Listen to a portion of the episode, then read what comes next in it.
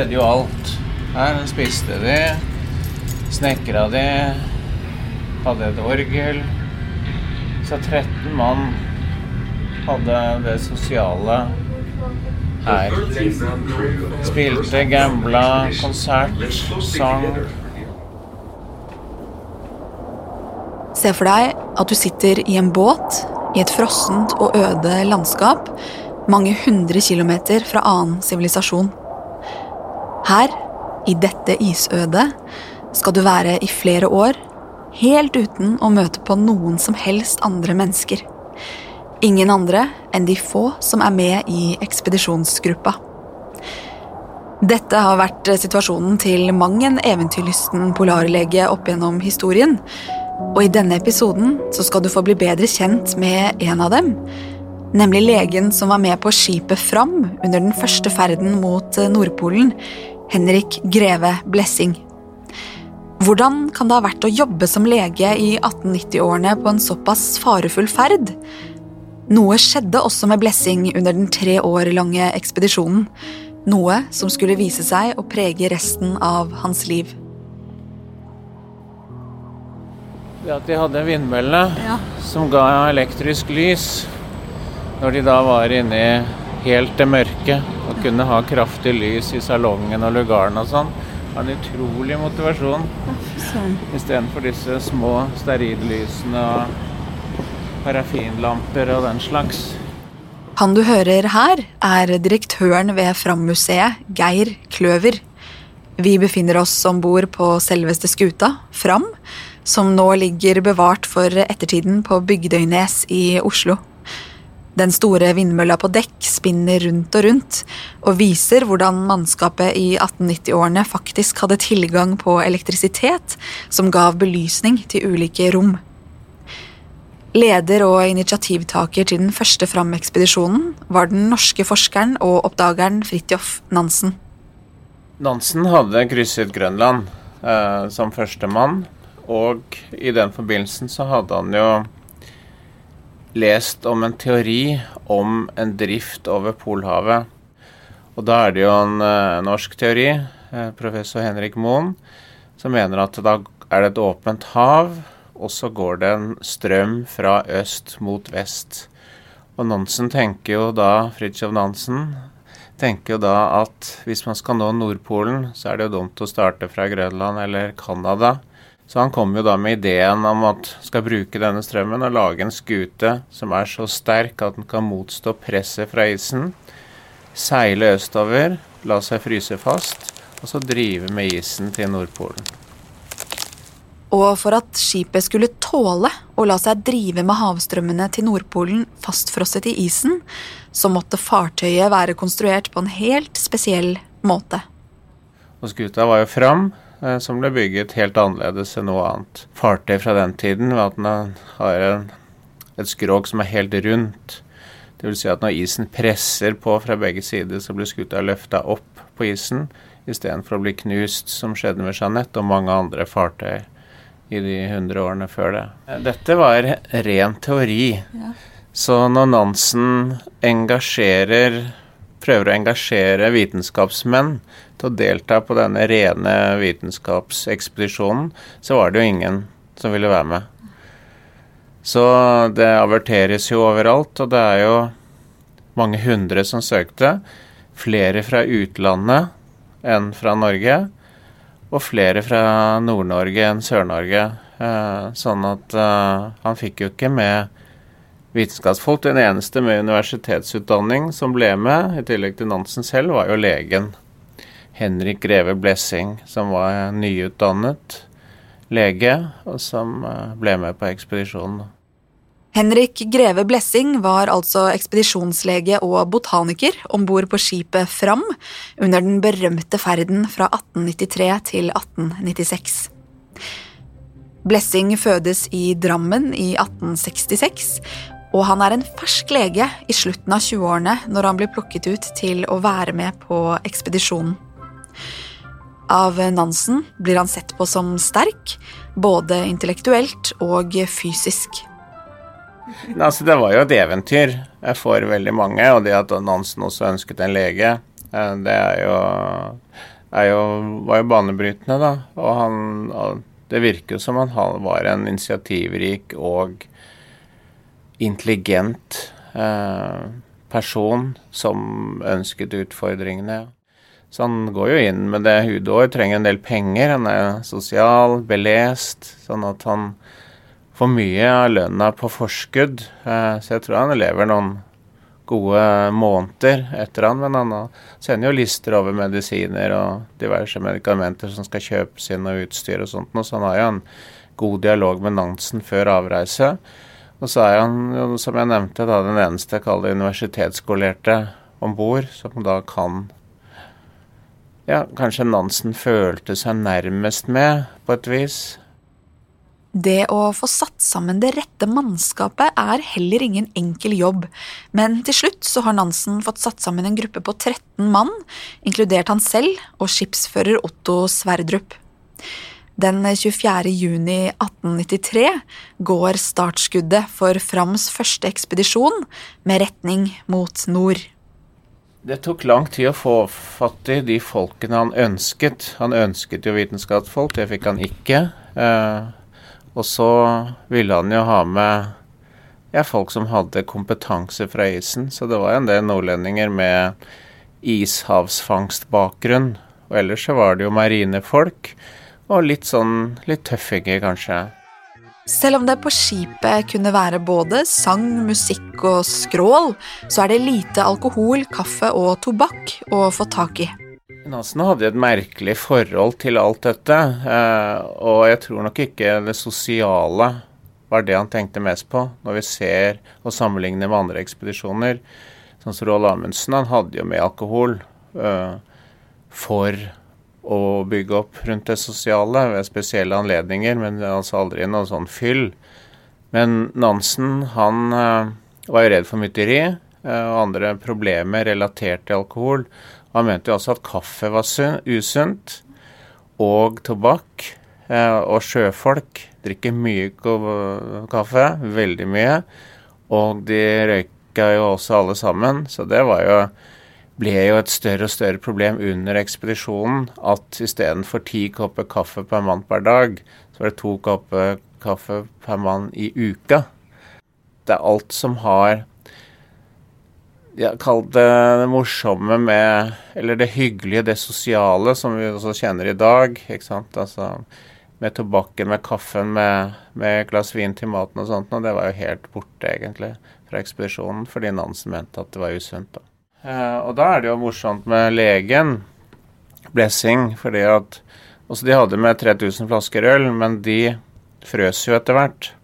Sånn at det ble knust. Så etter et halvt år så hadde de jo ikke da glass øl til maten. Bukkøl fra Ringnes, faktisk, som da var en av sponsorene. Men når det var bursdager, så kom Blessing med en flaske, vet du.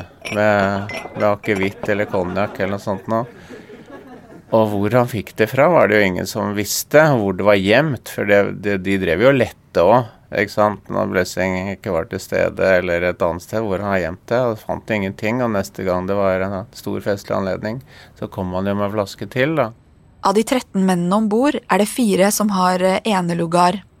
Dette er Fridtjof Nansen selv, kaptein Otto Sverdrup, sjøoffiser Sigurd Skott Hansen og legen Henrik Blessing. De øvrige ni i besetningen må dele på to lugarer. Medisinvekt, legger brevåpneren hans, noe av flaskene med ulike pulver og miksturer som var med på turen. I lugaren til Blessing så kan man se en enkel, smal køye, en pult med det som ser ut som ulike apotekvarer og flasker, en vekt og en brevåpner på hylla ligger det en bibel, og på veggen er det hengt opp et par bilder. Nansens plan er å la skipet fryse inn i isen og drive med havstrømmene over Nordpolen. Men vil skipet kunne tåle en slik påkjenning? Den 21. juli 1893 så seiler Fram ut fra Vardø og inn i Nordøstpassasjen med kurs for Nysibirøyene. Skipet fryser fast i isen den 22. september, og der skal det ligge fastfrosset i tre lange år. Det var jo truende isbjørner ved flere anledninger, eh, sånn at eh, det ble jo da med Man gikk rundt med våpen, og, og det var nære på eh, for noen av mannskapet. Og så etter halvannet år så kommer det jo en alvorlig isskruing eh, som nærmer seg skipet, og de ser at det kommer til å skje. Eh, og de har to dagers varsel, så de begynner å ta utstyr av skuta. Legget opp depot ved siden av, sette ut båter sånn at i tilfelle skuta senker. Så da kommer det et helt lass med tonn på tonn av is som velter over skuta, uten at det får noen annen betydning enn at skuta på en måte rister det av seg, og så må de fjerne all den snøen og isen da, som, går, som tar mange uker. Så da føler de jo seg trygge etter det. Men fram til det så hadde jo mange vært urolig for at skuta skulle holde, eller ikke skulle holde. Man kan jo spørre seg om hvordan det var å praktisere medisin på en polarekspedisjon som foregikk for over 100 år siden, og som varte i årevis. Ble mannskapet syke? Ja, det er jo til å begynne med veldig stille. De er jo innfrosset i isen, og Blessing tar jo blodprøver hver måned, så det føres jo. Og han veier. Men det var jo, det var jo noe å holde på med. Altså, det var jo kjønnssykdom, i hvert fall på én, som måtte behandles. Eh, og så var det jo forkjølelse og kall det små depresjon osv. Men det var jo ikke noen sånne alvorlige problemer. Det var ingen som brakk benet eller ble skadet. Det var jo sånn fastlege, fastlegejobb. Alt i alt så viser det seg at Frams mannskap holder seg såpass friske at det blir lite legearbeid på Blessing i løpet av de tre årene som ekspedisjonen varer. Under sine månedlige helsesjekker så merker Blessing faktisk at ekspedisjonsmedlemmene legger på seg, i motsetning til de fleste andre arktiske ekspedisjoner på denne tiden. Blant de få helseproblemene som oppstår, så opplever de noe revmatisme, noe gastroenteritt, noen forfrysninger, et isbjørnbitt og lus. Så for å få tiden til å gå har Blessing heldigvis andre oppgaver å ta seg til. Han er i tillegg til å være lege også utdannet botaniker, og hjelper til med forskningsarbeidet. Men etter at Fridtjof Nansen og Hjalmar Johansen i mars 1895 forlater skuta for å begi seg mot Nordpolen, så begynner dagene å bli lange og tunge. Blessing var jo også da den som eh, pakket det medisinske utstyret når Nansen og Johansen skulle av gårde. Eh, men for han selv så ble det jo kjedelig. Eh, sånn at eh, en del av hans arbeidsoppgave var jo å ta vannprøver, eh, algeprøver, eh, sånne ting som han gikk inn med, med full initiativ på. Og i dagboken hans er det jo masse tegninger, og han vet jo hva dette er, og skriver om det. og Leser mye polarhistorie, sammenligner med andre ekspedisjoner hvor det har vært mye depresjoner og problemer og sånn. Sånn at han var jo en belest. Han leste jo aviser og bøker. Og, og, han hadde jo også ansvaret for biblioteket. 600 bøker eh, som han katalogiserte og sto for utlånet av om bord. Og så tok han jo også initiativ til eh, avisen om bord, Framsjå, som kom ut da i eh, seks nummer, eh, som han da var redaktør for. Det var jo ingen som hadde den jobben som de ble engasjert til om bord. Eh, sånn at det ble jo hundevakt. Det var jo å holde seg i mosjon, eh, holde seg i form. Lage sleder, ski, utstyr, nattevakter, isbjørnvakter. Så det vitenskapelige arbeidet, som også Blessing hadde en del av ansvaret for, da, i hvert fall det naturfaglige, naturvitenskapelige, så var jo det en del av jobben. Men han hadde jo etter hvert så begynte han jo å, gå på medisinene selv. Noe er i ferd med å endre seg. Blessing begynner å forsvinne i flere dager av gangen, og flere av de andre begynner å fatte mistanke om at noe er galt. De hadde jo med seg et fullt apotek omtrent. Det var jo mye narkotiske stoffer da, eh, for bedøvelse og sånn. Og han, det tok jo ikke så veldig lang tid før han begynte å bruke det selv. Og han mener at det er et forskningsprosjekt. Jeg vet ikke, jeg er vel skeptisk til den teorien. Kanskje en sånn forklaring for seg selv om det å bruke narkotiske stoffer vil sørge for at han får skjørbuk raskere.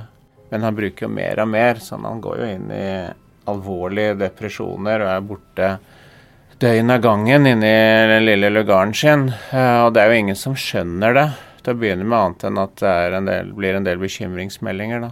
Og så finner de ut det. At han er godt på vei å bruke opp eh, morfin og, og, det som er om bord. Sånn at eh, nestkommanderende Sverdrup, da har jo Nansen forlatt skuta, faktisk. eh, tar jo nøkkelen til Kall apoteket, da.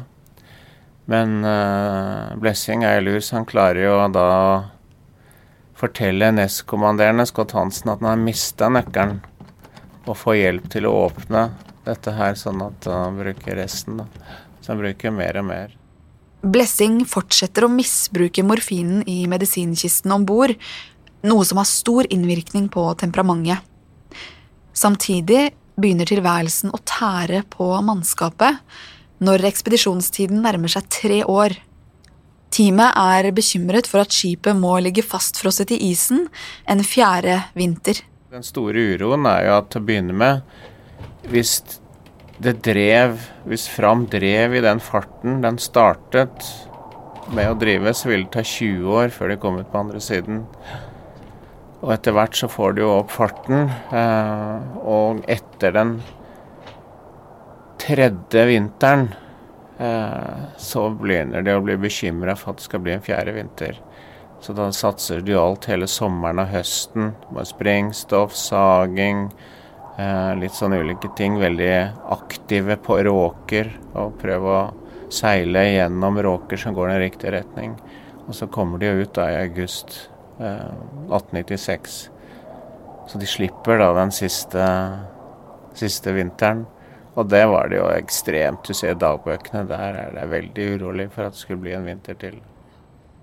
Nansen og Johansen ankommer igjen Vardø den 13. august 1896.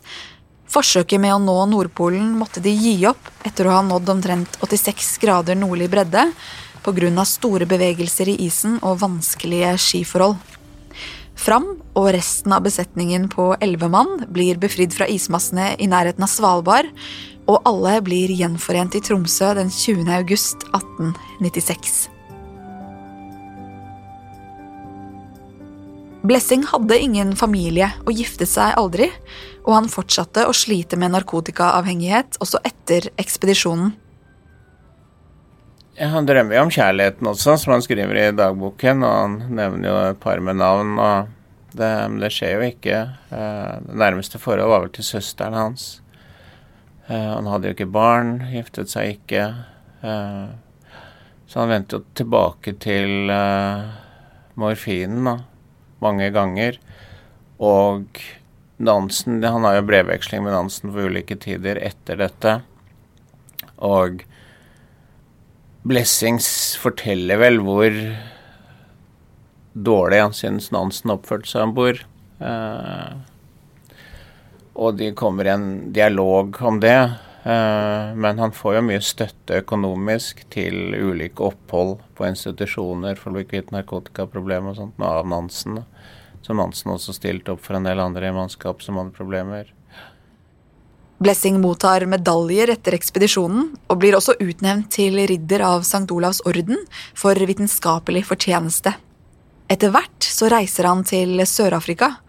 I løpet av de fire årene han tilbringer der, så samler han bl.a. en oversikt over ulike medisinplanter. Det han holdt på med etter framferden også, viser jo at han hadde jo evner og egenskaper som eh, hvis han ikke hadde sitt narkotikaproblem, kunne ha ledet til noe veldig stort.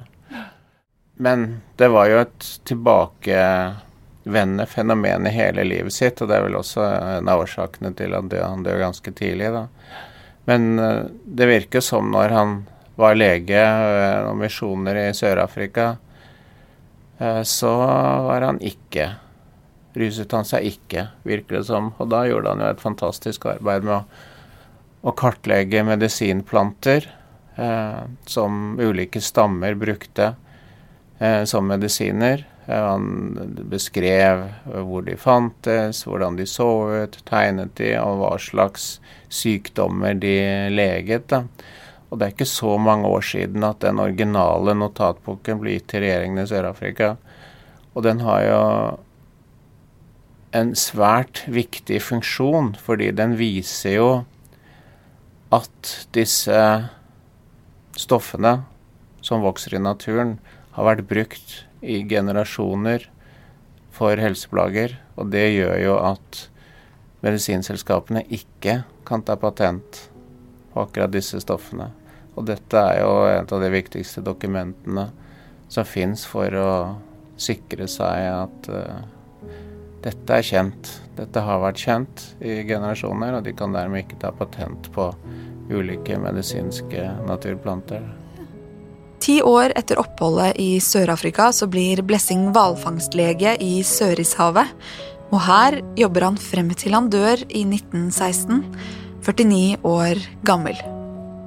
Sånn sett så er jo Blessings historie, altså hans dagbok som vi har gitt ut sammen med alle de andre dagbøkene fra ekspedisjonen, er jo en velskrevet og informativ og viktig del av norsk polarhistorie. Og at han skriver så mye om sine problemer, er også spesielt. Det. Men han var jo en viktig person om bord. Altså, mye av det sosiale var jo organisert. Han var jo en drivkraft. Når vi ser det nitidige arbeidet som han gjorde i Sør-Afrika, så er det jo Det var nok eh, en viktig vitenskapsmann som gikk tapt der, egentlig, pga. Uh, narkotika.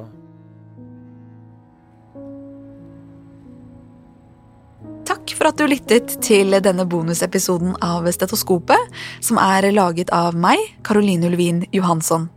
Produsent er Julie Didriksen, og ansvarlig redaktør er Are Brean. Jingle og lydteknikk er ved Håkon Bråten ved Moderne Media, og øvrig musikk og lyd er hentet fra Epidemic Sound.